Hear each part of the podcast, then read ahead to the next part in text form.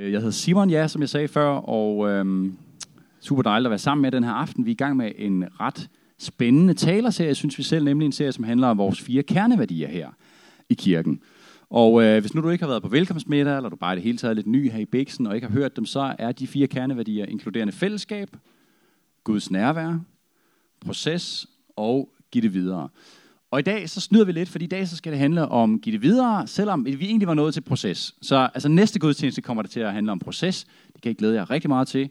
Det bliver super godt, men i dag skal det simpelthen handle om give det videre. Det var fordi, det passede lige sådan i forhold til kalenderen og nogle ting, og så også fordi, den her situation, som vi står i lige nu øh, som kirke, der tror jeg simpelthen på, at øh, jeg tror simpelthen, Gud kalder på os i forhold til at være med på alt det, som han gør lige nu øh, i den her by. Og øh, man kan sige, det er op til os, hvorvidt vil vi tage del i det. Om vi vil give det videre, vi selv har fået, og på den måde ligesom være med. Så i dag er temaet altså at give det videre, og øh, det kan være, at nogle af jer tænker, Nå, nu skal det jo fund, okay, fundraising og alt muligt, så skal det hele bare handle om penge og alt det der. Og det vil bare sige, det skal det faktisk ikke, fordi den måde, vi tænker at give det videre på, det er meget, meget større end vores penge. Det handler selvfølgelig også om vores penge, og også om økonomi, men det er meget, meget større end det her. Og for ligesom at få indrammet det, så kunne jeg godt tænke mig lige at starte sådan helt ved begyndelsen, så at sige, og bare lige begynde med at læse kort fra den første bog i Bibelen, fra første Mosebog, der hvor Gud skaber mennesket. Og der står sådan her, kapitel 1, vers 26. Gud sagde, lad os skabe mennesker i vort billede, så de ligner os.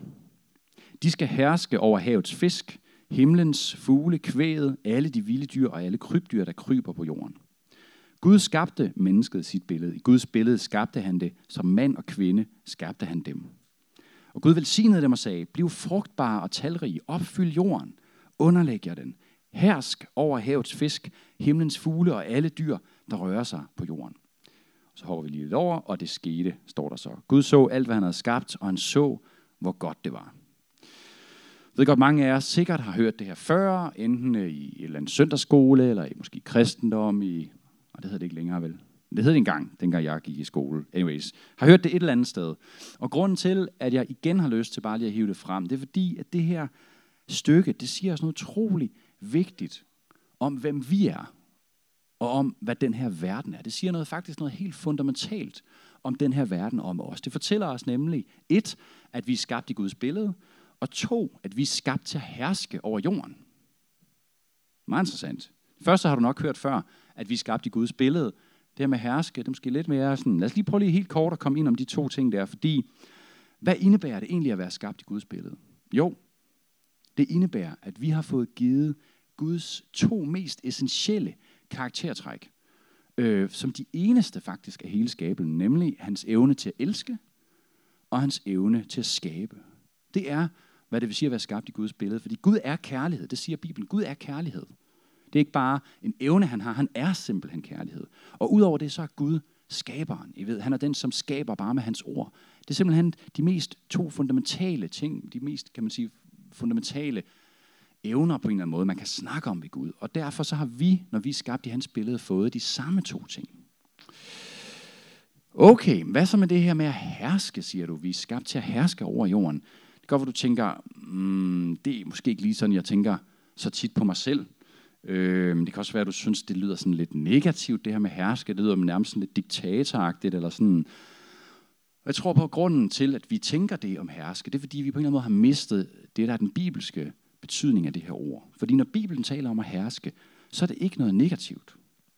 Så er det ikke noget med at bestemme over nogen, og ligesom sådan, hvad skal man sige, impose sin egen vilje på nogle andre og udøve magt. Nej, så handler det om at tage vare på noget. Så handler det om at forvalte noget. Ikke for sin egen vindings skyld, men simpelthen af kærlighed til det, man hersker over. Det er lidt sådan, at forældre jo på en eller anden måde hersker over deres børn. Ikke? Øhm, og øh, det ved man jo godt, det kan jo se ud på en god og en dårlig måde, men en god måde, det er jo, når forældre elsker deres børn, virkelig ser dem, virkelig ser, hvad de har brug for at tage sig af dem, plejer dem, er der for dem, alt det der. Ikke? Og så kan det også se ud på en rigtig dårlig måde. Det, det kan man desværre også se her i verden. Ikke? Men det er den gode betydning af at herske. Vi ser det også i for eksempel, øh, hvad skal man sige, de store sådan epos, eller sådan, altså for eksempel Ringenes Herre, øh, hvor der er sådan en konge som Aragorn, hvor man ved godt, det der gør Aragorn til konge, en ting er, at han er født til at være det, men det er virkelig ikke det vel. Det, der gør ham til en værdig konge, det er, fordi han faktisk bare elsker alle hans undersåtter. Han elsker bare mennesker i den der by. Jeg ved ikke, om I kan huske den der scene, hvor han kommer, og der er en eller anden, der, en gammel dame, der er såret, og han sætter sig ned ved hende, og han plejer hendes hånd, og ligesom sådan, det der, ikke også, det er udtrykket på en god konge, en god regent. Og det er faktisk præcis, hvad det vil sige at herske i bibelsk forstand. Det tager vare på i kærlighed. Det er lidt ligesom øh, med Adam og Eva der, ikke også? Det var meget konkret. De var sat i en have, og det som Gud siger til dem, det er, tage vare på alt det her. Det er på en måde, som om han kalder dem til at være gardnerne. Som om han sætter alting i gang, skaber alting. Og så siger han, hey, prøv at se alt det her fede, jeg har skabt. Nu er det jeres. Der er faktisk brug for nogen, som tager sig af det. Det passer ikke bare sig selv. Der er brug for nogen, som tager sig af det. Der er brug for nogen, som elsker det. Og det er jeres rolle. Det er faktisk fantastisk at tænke på, at de får den opgave, og vi har fået den opgave. Det, der bare ved det, det er, vi kender jo godt, hvordan den historie ender, ikke også? Vi ved godt, hvordan det går. Og vi kan også godt se det for os, bare når vi kigger ud på verden, eller vi tænder TV-avisen, eller åbner Facebook. Det er ikke ligefrem det, vi ser vel, fordi der er noget, der går i stykker, der er noget fundamentalt, som går i stykker. Netop fordi, at vi mennesker, vi har ikke nok i at være mennesker. Vi har ikke nok i at være Guds børn. Vi har ikke nok i at være øh, dem, som han har skabt til at herske på den her jord. Vi vil gerne være som Gud. Ikke også? Det er det, der står. Det er det, som slangen frister Eva og Adam med. Jamen, hvis I bare spiser den her frugt, så vil I blive ligesom Gud. Og det kan vi ikke stå for. Og det er på en måde det, der er menneskehedens store tragedie, øh, som Bibelen fortæller os, at vi ikke har nok i at være Guds børn. Vi vil være som Gud selv. Det er ikke nok, at vi har fået givet et fantastisk liv af Gud, og en identitet som hans elskede børn og som herskere på den her jord. Nej, vi vælger i stedet for at hæve os selv op. Vi vil gerne have, det er os, der bliver tilbedt. Ikke os?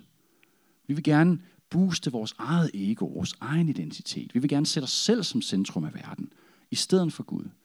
Og det, der sker, når vi gør det, det er, at så mister vi gudbilledigheden. Så mister vi nemlig evnen til at elske, både til at elske Gud, men også til at elske hinanden.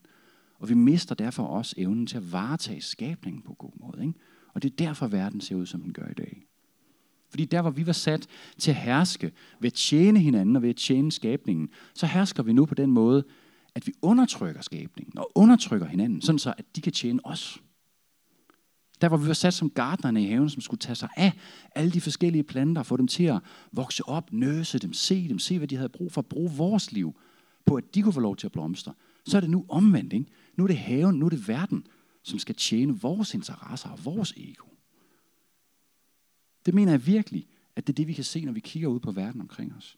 Og det er simpelthen ligesom uh, the state of the world. Det, det er grunden til, at verden ser ud som i dag. Og jeg har sådan uh, siddet og tænkt over det her, og prøvet også at, at dykke ned i den her historie med Adam og Eva, for at prøve at finde ud af, okay, hvad er det egentlig, det handler om det her? Jeg tror, der er to ting. To ting, jeg har lyst til at hive frem i det her, som driver, at det er blevet på den her måde. Der er to ting, som afholder os fra at træde ud i det her med at være gardnerne i haven, og som også afholder os fra at give det videre, som vi har fået givet. Og det er skam, og det er frygt. Og det er to ord, som vi nok alle sammen på en eller anden måde har stiftet bekendtskab med. Men lad os bare lige bruge et par minutter på lige at dykke ned i dem, hvad det egentlig er, det handler om. Fordi den her historie fortæller os det faktisk. Lad os prøve at kigge på skam først. Øhm, og skam, det handler om, at vi skammer os over, hvem vi er. Det handler ikke så meget om, hvad vi gør. Det handler simpelthen om, hvem vi er indeni. Vi føler ikke, at vi er gode nok. Og det tror jeg handler om, at vi har mistet vores identitet i at være Guds elskede børn. Og det der ved det, det er, at fordi vi har det på den måde, så prøver vi selv at bygge en identitet op. Vi kan se det i historien om Eva og Adam, ikke? også hvis man læser videre. Hvad er det første, de gør, efter de har spist af æblet? Hvad er det første, de gør, efter de skammer sig over? Det er ligesom om, de begynder at skamme sig over, hvem de er og det, de har gjort. Hvad er det første, de gør? De begynder at klæde sig ud. De begynder at dække over, hvem de egentlig er. Og jeg synes, det er ret interessant og tænke på det egentlig, fordi hvorfor er det egentlig, tror I, at tøj og mode og hele den her fashion, hvorfor er det, at det er måske, altså det er måske en af de mest magtfulde industrier i vores verden, og det er ikke bare noget, som er nu, sådan har det faktisk været hele vejen igennem menneskehedens historie. Hele vejen igennem menneskehedens historie, så kan man se om, hvordan vi har det her behov for at pynte os selv, for at dække os til, for at gøre noget ud af os. Og jeg snakker jo selvfølgelig ikke øh, om behovet for at have noget tøj på, fordi det er koldt, eller fordi vi ikke kan gå nøgne rundt. Det har det helt fint med, at I tager tøj på. Det, det handler om, det er jo, hvor meget at det ikke bare handler om tøj, vel, men det handler om det rigtige tøj. Det handler om det rigtige look. Det handler om, hvad for noget tøj kan vi have på, sådan så det kan ligesom sige noget om, hvem vi er, om vores identitet. Ikke? Noget, der kan booste vores ego. Og jeg tror, det handler alt sammen om, at vi dybest set skammer os. Vi hviler simpelthen ikke i, at vi er gode nok, uden at vi behøver at pynte os og gemme os bag alt muligt. Og det er fordi, vi så gerne vil acceptere os. Ikke også? Og fordi vi ved det, så bruger vi sindssyge mængder af penge og ressourcer på vores look. Eller, ikke? Og den skam og alle de penge og alle de ressourcer og al den energi, vi bruger på det her, det afholder os faktisk fra at være generøse med det, vi har fået givet. Det tror jeg faktisk. Det afholder os faktisk med at give noget af det, som vi har fået videre til andre, som måske har mere brug for det. Prøv en gang at forestille dig bare sådan et tankeeksperiment. Prøv, prøv at tænke bare på reklamebranchen. Prøv at tænke på, hvor mange hver eneste dag, hvor mange, jeg ved det slet ikke, men altså milliarder kroner, som bliver brugt dybest set bare på at få os alle sammen til at købe noget, vi ikke har brug for. Hvis man nu forestiller sig den industri, alle de arbejdstimer, alle de penge, alle de ressourcer, som bliver kørt ned i det, hvad nu hvis det blev kanaliseret over i noget, der faktisk var gavnligt for menneskeheden? Den anden ting, som jeg sagde før, som afholder os fra at træde ud i det her liv, som Gud har kaldet os til, til at være gardnerne i haven, som afholder os fra at leve generøse liv, det er frygt. Og på en eller anden måde, så kan man sige, at det bunder os i vores identitet. Fordi vi er jo skabt som Guds børn. Vi er jo skabt som hans højt elskede børn. Vi er skabt med en himmelsk far, som er så generøs, at vi slet ikke forstår det. Som længes efter at overøse os med gode gaver. Jeg forestiller mig, Eva og Adam har gået rundt i den der have, der er helt fantastisk. I ved, har bare kunne spise af frugterne. Alt, som de havde brug for, var til stede i den have. Alt, hvad de havde brug for. Og Jesus siger det igen og igen. Gud er som en god far. Han har i overflader, og han længes bare efter at give os gode gaver. Men det er som om, vi forstår ikke rigtigt det her. Vi forstår ikke, at vores sande identitet er, at vi er Guds elskede børn. Og fordi vi ikke forstår det, så frygter vi. Så frygter vi, at der ikke er nok. Så frygter vi, at vi er overladt til os selv. Frygter, at der ikke er andre end mig, som sørger for mig. Og derfor så skraber vi til os. Vi hamstrer toiletpapir, eller jeg ved, det ene og det andet hamstrer vi. Fordi vi er bange for, at der ikke er nok. Vi sparer op. Vi forsikrer os i hoved og røv, og vi pensionsopsparer op og ned og stolpe og vægge. Ikke? Fordi vi er bange. Vi er bange for, om der er nok. Vi er bange for fremtiden. Og derfor, når vi opfører os på den der måde, så forhindrer det os faktisk i at træde ud i det kald, vi har. Så kan vi ikke være generøse med det, vi har fået givet. Fordi når vi styrer af det her frygt-mindset, så vil vi aldrig nogensinde opleve, at vi har nok. Sådan er det faktisk. Vi kender det historier om, ja, der er ingen grund til at gå ind i det, men altså, så længe vi styrer det her, så vil vi aldrig nogensinde opleve, at vi har nok. Og hvis man aldrig oplever, at man har nok, så er det også svært at give ud af det, man har. Ikke? Så det bunder alt sammen i vores mangel på identitet. Fordi først når vi ved, hvem vi virkelig er, så ved vi, hvad der er givet til os, og hvor meget vi har at give videre. Først når vi ved, hvem vi virkelig er, så ved vi, hvad der er givet til os, og hvor meget vi har at give videre. Paulus han udtrykker det sådan her i øh, hans brev til romerne, kapitel 8. Helt fantastisk øh, kapitel i Nye Testamente, hvor han skriver sådan her, for alle, som drives af Guds ånd, er Guds børn. I har jo ikke fået en ånd, som giver trallekår, altså det vil sige sådan slavelignende vilkår, så I er der skulle leve i frygt. Nej, men I har fået den ånd, som giver barnekår. Og i den råber vi Abba, fader. Abba, det er sådan et øh, armæisk ord for farmand. Det er sådan meget, meget intimt ord for farmand. Farmand råber vi. Ånden selv vidner sammen med vores ånd om, at vi er Guds børn.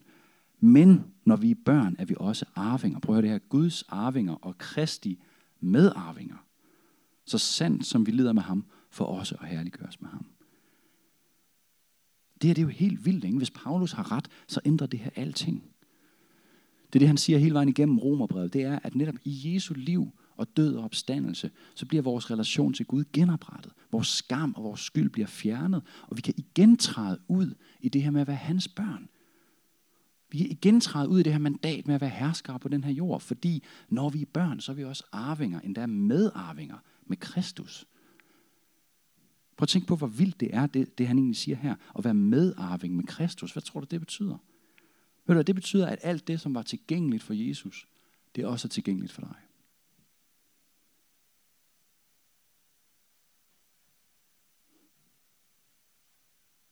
Virkeligheden er, at alt, hvad du og jeg har brug for i dag, det er allerede tilgængeligt for os hos Gud. Og virkeligheden er, at alt, altså uanset hvad Gud kalder os til at gøre med vores liv, så har vi allerede det, som vi har brug for, for at kunne gøre det. Han har allerede gjort det tilgængeligt for os. Fordi vi er medarvinger med Kristus. Og det her, det er virkelig humlen af det hele. Jeg håber, det giver mening, fordi det er først, når vi forstår vores identitet, når vi forstår, hvem vi virkelig er, at vi kan se, hvad der er givet til os, og vi derfor forstår, hvad vi kan give videre. Nu skal vi prøve at læse en historie om Jesus, hvor han virkelig viser os, hvordan det her ser ud i praksis. Prøv at høre det her fra Matthæus kapitel 14. Da Jesus hørte det, og det han lige havde hørt, øh, bare lige for at sætte jer ind i det, det var, at hans rigtig gode ven og fætter Johannes Døberen var blevet halshugget. Helt brutalt. Det var, det var virkelig en nær ven af Jesus, og han var blevet simpelthen øh, brutalt halshugget. Så da Jesus altså havde hørt det, drog han bort derfra i en båd til et øde sted for at være alene, og selvfølgelig for at sørge. Ikke også? Men skarne opdagede det og fulgte efter ham til fods fra byerne. Og da han kom i land, så han en stor folkeskar, og han ynkedes over dem, og han helbredte dem, der var syge. Da det var blevet aften, kom hans disciple hen til ham og sagde, stedet her er øde, og det er allerede sent. Send skarne bort, så de kan gå hen til landsbyerne og købe sig mad. Men Jesus svarede dem, de behøver ikke at gå. Giv i dem noget at spise. De sagde til ham, vi har kun fem brød og to fisk her. Han sagde, giv mig dem. Og han lod folkeskarne sætte sig i græsset. Han tog de fem brød og de to fisk, så op mod himlen og velsignede dem. Brød brødene og gav disciplene dem, og de delte dem ud til skarne. Og alle spiste og blev mætte, og de samlede de stykker sammen, som var til overs 12 kurvefulde. Der var omkring 5.000 mænd, som havde spist for uden kvinder og børn. Den fuldstændig vild historie, den her. Nogle af jer har sikkert hørt den før. Øhm, og det jeg gerne vil fokusere særligt på i dag, det er Jesu mindset i det her. Fordi Jesus han viser os, og det er det, som vi kan lære af ham, nemlig at et, han ved, hvem han er, og to, han ved, hvad der er tilgængeligt for ham, så han kan give det videre. Jeg synes, vi ser det ultra tydeligt i den historie, netop fordi måske, at Jesus' mindset bliver spejlet op af disciplernes mindset. Ikke? Fordi disciplernes mindset, det er, vi har ikke mad nok til alle, altså folk må tage ansvar for dem selv, og vi må klare os selv, fordi ellers er der ikke nogen, der sørger for os. Jesus, det kan slet ikke mening at begynde at dele det der mad ud, fordi der er jo ikke engang nok til os selv, vel? Det er deres mindset. Og det forstår man sådan set godt. Men hvad er så Jesus' mindset i det her? Jeg tror, det er, jeg er Guds elskede søn. Han er min far. Han er essensen af godhed og generøsitet. Han har skabt alting bare med hans ord. Og han vil tage vare på mig. På den ene eller den anden måde. Jeg behøver slet ikke at bekymre mig om mig selv. Og jeg tror, han har tænkt, jeg er sat til at tage vare på de mennesker, som Gud sender til mig. Mit job, det er at forvalte det, jeg har fået givet, også selvom det kun er fem skallede brød og to fisk. Jesus ved, hvem han er og hvad han har fået givet. Han har slet ikke et sekund i tvivl om, at Gud vil sørge for ham. Og da jeg sad med det her, så kom jeg til at tænke på fristelsen i ørkenen, som er noget tid inden det her, inden at Jesus han begynder hans tjeneste. Og øhm, der er han 40 dage alene i ørkenen uden at spise, og han er klart nok ret sulten, så kommer djævlen til ham og frister ham. Og hvad er det første, som Satan frister ham med? Hvis du er Guds søn, siger han, så sig, at stenene her skal blive til brød. Og ved hvad, det er sindssygt vigtigt for os at forstå det her, fordi det er sådan her, Satan arbejder. Det er nemlig det eneste, han kan gøre. Han har ikke nogen magt andet, end at han kan få os til at tvivle. Tvivle på, hvem vi selv er, og tvivle på Gud. Det er lidt som om, man siger, Jesus, du siger, du er Guds søn. Hvordan synes du selv, det lige ser ud for dig? Du kravler rundt herude i en ørken. Du er ved at dø af sult. Men ikke du har fået et eller andet galt i halsen, fordi det kan da ikke være rigtigt, at Gud vil lade sin egen søn gå rundt sådan her som en hjemløs sulten tigger, vel? Enten så er du vist ikke den, du tror, du er, eller også så er Gud en rimelig slop i farmand. Så uanset hvad, så bliver du nok nødt til lige at tage sagen i egen hånd. Du bliver nok nødt til at sørge for dig selv. Ikke? Men Jesus ved, han ved, han ved, at han ikke behøver at tage sagen i sin egen hånd. Ligesom vi heller ikke behøver at gøre det. Jesus han stoler 100% på sin far. Og han overlader det, der er hans job til ham. Fordi, det ved ikke, du har tænkt på, det er faktisk slet ikke vores job at tage vare på os selv. Det kan lyde lidt provokerende, det ved jeg ikke, du har tænkt på. Det er slet ikke dit job at tage dig af dig selv. Ved du hvorfor? Det er fordi, der er nemlig en, som er 100 millioner gange bedre til det end dig. Og det er Gud. Jeg ved godt, det her det er provokerende. Jeg ved godt, det er sådan kontraintuitivt. Det er ikke sådan, det går imod vores menneskelige, rationelle måde at se tingene på. Ikke? Den her stemme, ikke også, som fortæller os det her, ligesom at Satan kommer til Jesus og siger det her, ah, du må nok hellere sørge for dig selv. Der er nok ikke nogen Gud, der sørger for dig. Du er nok ikke den, du tror, du er. Det er den samme stemme, som interessant nok kommer til Eva og Adam, ikke også, i historien. Han siger til dem, ah, ja, Gud har sagt, at I ikke må spise af den der frugt, men det er, fordi han i virkeligheden vil holde noget væk fra jer. Er Gud virkelig god? Må ikke der er noget, du går glip af, hvis ikke du spiser den der frugt? Og det er det, vi sidder fast i. Det er den mentalitet, vi sidder fast i i vores kultur. Det er som en skruetvinge af forbrug og materialisme, som hele den vestlige verden sidder fast i. Ikke? Vi kører selv mere og mere ned. Fordi jo mere vi tager sagen i egen hånd, og jo mere vi prøver at bygge vores identitet på forbrug, eller på flottere tøj, eller dyrere bil, eller større hus, eller smartere telefon, jo mindre er der faktisk plads til Guds godhed i vores liv. Og jo mere så kvæler vi hans stemme, den stemme, som altid kalder på os, og kalder os elskede børn. Hans, Gud siger, kom hjem til mig. Jeg skal nok sørge for dig. Jeg er en god far. Sæt din, have din tillid til mig. Og jo mere vi gør det her, jo mere udsulter vi også den her planet og hinanden. Fordi det er det, med det, det er det med, at hvis vi ikke har vores identitet i Gud, så kan, vi, så kan vi prøve at fylde alt muligt ned i det, men det er simpelthen et ustoppeligt hul. Det er et sort hul. Vi kommer aldrig til at føle os gode nok, hvis vi satser på, at vi skal føle os gode op igennem det, vi ejer. Vel? Det sker simpelthen ikke. Men Jesus, heldigvis ikke også, Jesus han gennemskuer det her. Han ved præcis, hvordan det virkelig hænger sammen, og han viser os en vej ud af den her trædemølle. Han ved, at ingenting, vi kan købe på den her jord, kan bare tilnærmelsesvis give os den identitet, som vi får hos Gud. Som vi ovenikøbet får fuldstændig gratis. No strings attached. At vi, at dig og mig, at vi får lov til at vide, at vi er skabt af kærlighed. Af en Gud. At vi ikke er en tilfældighed. At vi er Guds ønskebørn faktisk. At vi er skabt til at leve badet i hans kærlighed og godhed. At vi hver eneste dag kan få lov til at nyde godt af alle hans fantastiske gaver til os. Og at vi oven i købet får givet et fantastisk formål, nemlig at være kongebørn, skabt i Guds eget billede, til at herske og til at tage vare på den her fantastiske jord. Det er jo helt fantastisk befriende. Det er en helt anden måde at leve sit liv på. Og det er derfor, Jesus kan sige, når han siger i bjergprædiken, ikke? han siger, I skal ikke bekymre jer. Man tænker, ja, ja, nemt nok, Jesus. Det var nemt for dig at sige, nej, nej. Og ved I hvad, det er ikke sådan et, man kan godt tænke, er det sådan et der, øh, tænk positivt så får du et bedre liv træk fra Jesus. Nej, nej, nej, det er slet ikke det. Det er the real deal, når Jesus siger det her. I skal ikke bekymre jer. Han siger, det giver ikke mening. Det giver ikke mening at bekymre jer. Fordi når vi forstår, at det er Guds job at tage sig af os, og vores job at forvalte det, vi har fået givet, så kan vi vidderligt lade være med at bekymre os. Og det betyder selvfølgelig ikke, lad mig bare lige sige det, det betyder selvfølgelig ikke, at vi skal til at løse en reckless liv, hvor vi går ud og tager kviklån og giver til øh, nogle fattige, eller, altså det er jo ikke det, det handler om, vel? Pointen er jo netop, at vi skal være ansvarlige med det, vi har fået givet, at vi skal forvalte det, vi har fået givet. Og grunden til, at jeg kører så meget rundt i det her, det er, at hvis vi ikke forstår det her, så vil det aldrig lykkes os at leve generøse liv. Så vil vi aldrig kunne træde ud i det her med at give det videre. Fordi så bliver det bare sådan endnu en ting, som vi skal gøre, fordi det er det rigtige at gøre. Så bliver det bare sådan en moralsk ting, sådan en løftet pegefinger. Men det er slet ikke det, der er pointen. Det er slet ikke det, der er pointen, når Jesus kalder os til det her.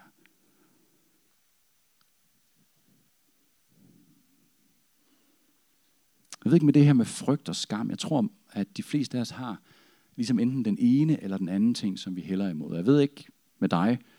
Jeg ved, hvordan det er for mig selv. Jeg ved, at jeg er ikke særlig øh, styret af skam. Det er ikke noget, jeg øh, sådan siger for, wow, hvor fedt. Eller, eller, men det er bare ikke. Fordi jeg har levet en del over at spille musik, for eksempel. Ikke? Og der kunne jeg virkelig mærke det på mange af dem, jeg spillede sammen med, hvor meget det betød for dem. Det der med at spille i et band, som er kendt, eller stå på scenen, eller komme til at spille de rigtige steder, være med i de rigtige bla bla bla anmeldelser, alt det der løg. Og ved I hvad, det er simpelthen aldrig appelleret til mig. Jeg har altid bare spillet musik, fordi jeg elskede musikken. Jeg synes, det var så fedt. Jeg elskede lige så meget at spille koncerter for to mennesker. Det gjorde jeg også nogle gange. Men jeg har også prøvet at spille, jeg har også prøvet at spille koncerter for 10.000 vis af mennesker. Og det var sådan set ikke, altså det var ikke det, der gjorde forskellen for mig. Jeg har faktisk næsten haft det på den måde, at alt det der, hele det der show der for mig, det kan næsten ødelægge musikken. Jeg ved ikke, om du kender de der samtaler med folk, som sådan, Nå, men har du hørt den der plade? Ja, okay, men live, livepladen er bedre. Var du til den koncert der? Og hvor det hele det der, det handler faktisk slet ikke om glæden ved musikken. Det handler bare om, hvad siger det om os, at vi lige har hørt det rigtige på det rigtige tidspunkt. Ikke? Det hele det der med at booste vores ego. Booste vores image. Og det er så nemt nok for mig at sige, fordi det har ikke været mit issue, det her med skam. Frygt derimod, det er mit issue. Det er det af forskellige grunde, blandt andet fordi jeg har oplevet nogle ting i min barndom, som ikke lige har sådan, øh, hvad skal man sige, hjulpet mig til at kunne hvile i det her med, at Gud han var som en god far. Det er, sådan, det er noget, som jeg faktisk på mange måder stadig øh, kæmper med og er nødt til igen og igen vende tilbage til, at Gud virkelig er en god far. At han virkelig elsker mig, at han virkelig ser mig. At han virkelig ønsker at møde mine behov. Jeg har haft det på den måde, jeg har aldrig tvivlet på, at der fandtes en Gud. Det har jeg simpelthen aldrig. Der hvor min tvivl ligger, det har altid været på, at det er en god Gud, der findes. At det er en Gud, som faktisk er interesseret i mig. Og øhm, når så den her stemme visker til mig, som jeg talte om før, Simon,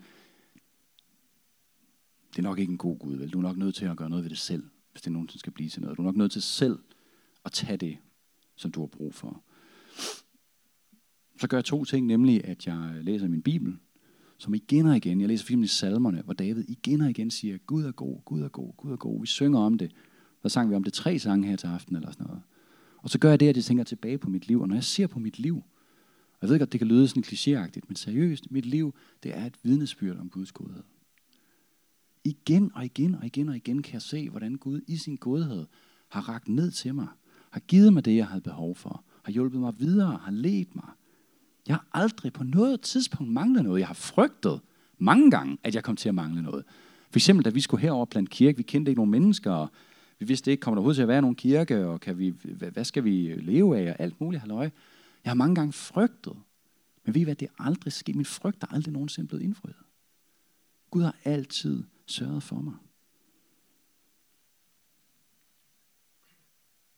Når vi ved, hvem vi er, så ved vi også, hvad der er givet til os og hvor meget vi har at give videre. Det er det samme princip, når vi fx giver tiende af vores indkomst, sådan som Bibelen opfordrer os til at gøre efter vores mening i hvert fald, så er det netop for at underbygge den her tro. Ikke? Fordi vi giver ikke til Guds rige eller til kirken efter, at vi har sørget for os selv. Nej, vi giver 10 procent af det første, vi tjener. Det vil sige før skat, ikke? fordi vi ved, at det er slet ikke os selv, som sørger for os. Jeg ved ikke, at det kan lyde lidt absurd, men det er virkelig slet ikke de penge, der kommer ind den første, som skal sørge for os. Det er faktisk Gud. Det er Gud, som sørger for os. Og vores opgave er ikke at sørge for os selv, men det er at forvalte alt det, som han giver os på en god måde og på en ansvarlig måde. Vi gør det næsten altid omvendt. Det er i hvert fald det, jeg selv igen og igen må vende mig bort fra, fordi vi starter med at forsørge os selv. Vi starter med at bruge pengene på os selv, og så giver vi måske tilbage af det, som så er tilbage i os. Problemet er bare, at der er selv noget tilbage. Når man først har brugt pengene på sig selv. Jeg kan i hvert fald godt bruge pengene på mig selv ret hurtigt. Ikke? Så når vi aldrig rigtigt til at være generøse. Så når vi aldrig rigtigt til at give noget videre. Og jeg tror, at det endnu større problem i det her, det er, at vi får slet ikke lov til at opleve Guds godhed. Jesus siger, søg først Guds rige, så skal alt det andet gives jer i tilgift. Igen og igen, så ser vi det her princip i Jesu undervisninger i hele Bibelen. Ikke? Og bare lige for at hoppe tilbage til øh, historien med fiskene og brødene. Jeg forstår jo så meget disciplene. Jeg forstår så meget disciplenes respons. Ikke? hey Jesus, ja, ja, ja, vi ved godt, du er den her, du vil gerne være sød og alt det der, og det er meget sødt af dig, du vil dele ud til folk, det er sådan et meget sødt princip, men prøv lige at se det, det er jo, øh, det, altså, det er måske sådan lidt latterligt. Hvis vi prøver at dele ud af det her, ikke, så får vi været en krumme hver og en, et halvt gram fisk eller sådan noget. Hvis vi skal dele det her ud til 5.000 mennesker, det er meget sødt, men det giver jo ikke nogen mening vel. Er det ikke bedre, at vi beholder det for os selv? Fordi så får vi da i det mindste lidt i maven. Jeg ved ikke, om du nogensinde har prøvet at ligesom forestille dig den der scene. Jeg tænker, de her 12 store, sådan nogle fiskeragtige brød af mænd, der har stået der og kigget ned på den der lille kurv med det der mad der, og tænkt sådan, okay, hvad, hvad gør vi lige nu? Hvad, hvad er det bedste? Ikke? Og de har selv mærket, at de har været på vejen der hele dagen, og de er selv nok rimelig sultne. Ikke? Jeg kan godt forstå dem. Men ved I hvad, det fede det er jo fordi, at de træder ud i det her. Fordi de træder ud i Guds godhed, så får de lov til at blive med det. De spiser sig prop med det, og hvad sker der så? Så er de 12 kurve tilbage. Hvis ikke var nederen historie, der havde været, hvis de havde spist det der fisk, og var sådan lidt, ja okay, så du måske komme op og slås om det, eller forestiller mig, at Peter var blevet sådan lidt vranden, øh, ligesom jeg selv bliver, når jeg selv er sulten, og sådan noget resten af dagen der, ikke? Altså, det havde været nederen historie, men nu er det en fantastisk historie. Fordi de træder ud i Guds godhed. Det er simpelthen dynamikken, det her i Guds rige. Det er ikke rationelt. Dynamikken i Guds rige, den ligger ikke under for vores matematik, eller vores Excel-skema, eller vores budgetter. Det gør den simpelthen ikke. Fordi det er Gud selv, det er skaberen, som sørger for os. Fordi han er en god far. Hvis vi i hvert fald lader ham gøre det. Og alt, hvad vi skal gøre, det der er vores job, det er at forvalte det, som han har givet os. Hvad vil du så tænke, okay, fedt nok, men øh, hvor skal jeg starte med det her? Hvad har jeg egentlig fået givet, som jeg kan give videre? Og der vil jeg bare sige til dig, en hver af os, som jeg sagde til at starte med, er fuldstændig unikt skabt i Guds billede. Vi har fået talenter, evner, ressourcer, som vi har fået givet for at kunne investere dem i den her verden. Vi har på en måde fået vores egne små kongeriger. Jeg ved ikke, om du tænker det så tit om dig selv. Det er også okay, hvis du gør det måske meget godt, hvis ikke du gør det. Men det har vi på en måde ikke også. Vi har vores penge, vi har vores krop, vi bestemmer over, vi har vores mund, vi kan gøre ting med, vi har vores relationer, vi har vores omgangskreds. Vi har faktisk ting, som vi har en eller anden form for magt over. Og ikke magt som en negativ forståelse, men magt som i, vi har fået noget, vi kan gøre noget med. Spørgsmålet er bare, hvad vil vi gøre med det? Vil vi bruge det alt sammen på at opbygge vores eget ego? Vil vi bruge det alt sammen på at prøve at fodre den her skam, som bare er et umætteligt hul? Eller vil vi faktisk gøre, vil vi faktisk forvalte det, ligesom gardnerne i haven? Vil vi give det videre? Vil vi investere det ikke bare i os selv, selvfølgelig også i os selv, men i den her verden, til mennesker, der er omkring os?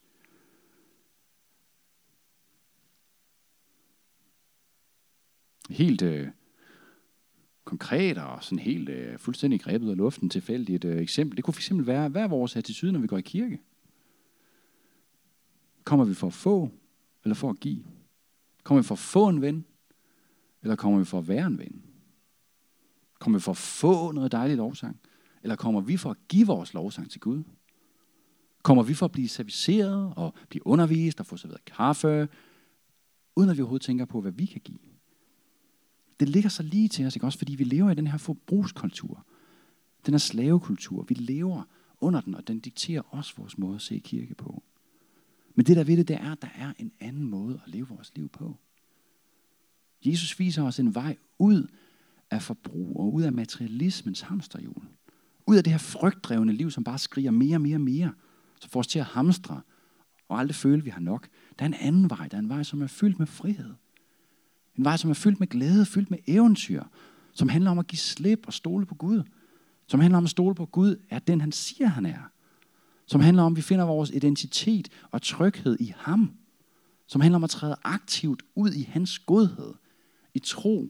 Jeg ved ikke, om I kunne mærke det, de er der var her sidste søndag, hvor vi sang, hvor Benjamin og Rikke ledte os i lovsang, vi sang den her sang, Taste and see that the Lord is good. I will taste and see that the Lord is good. Vi sang der, og jeg kunne mærke, da vi sang det, der skete simpelthen et eller andet i rummet.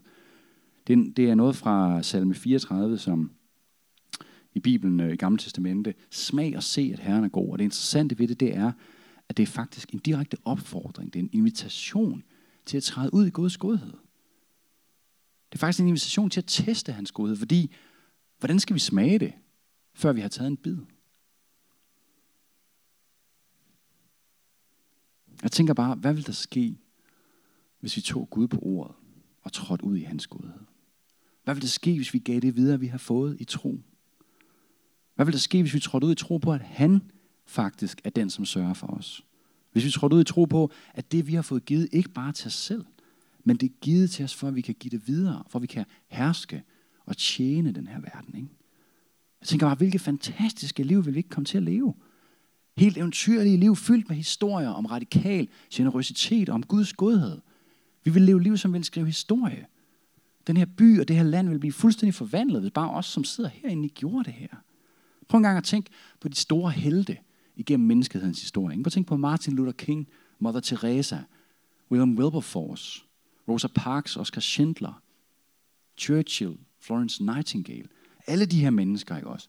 Som har den ene ting til fælles, at de forstod, at det, de havde fået givet, det var ikke bare givet til dem selv.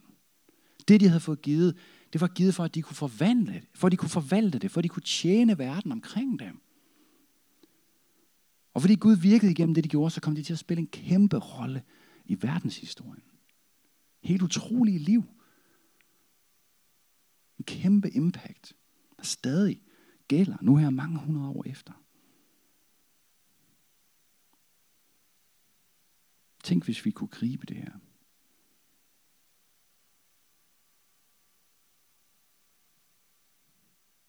Jeg kunne godt tænke mig, at vi bad sammen. Og jeg har sådan lyst til,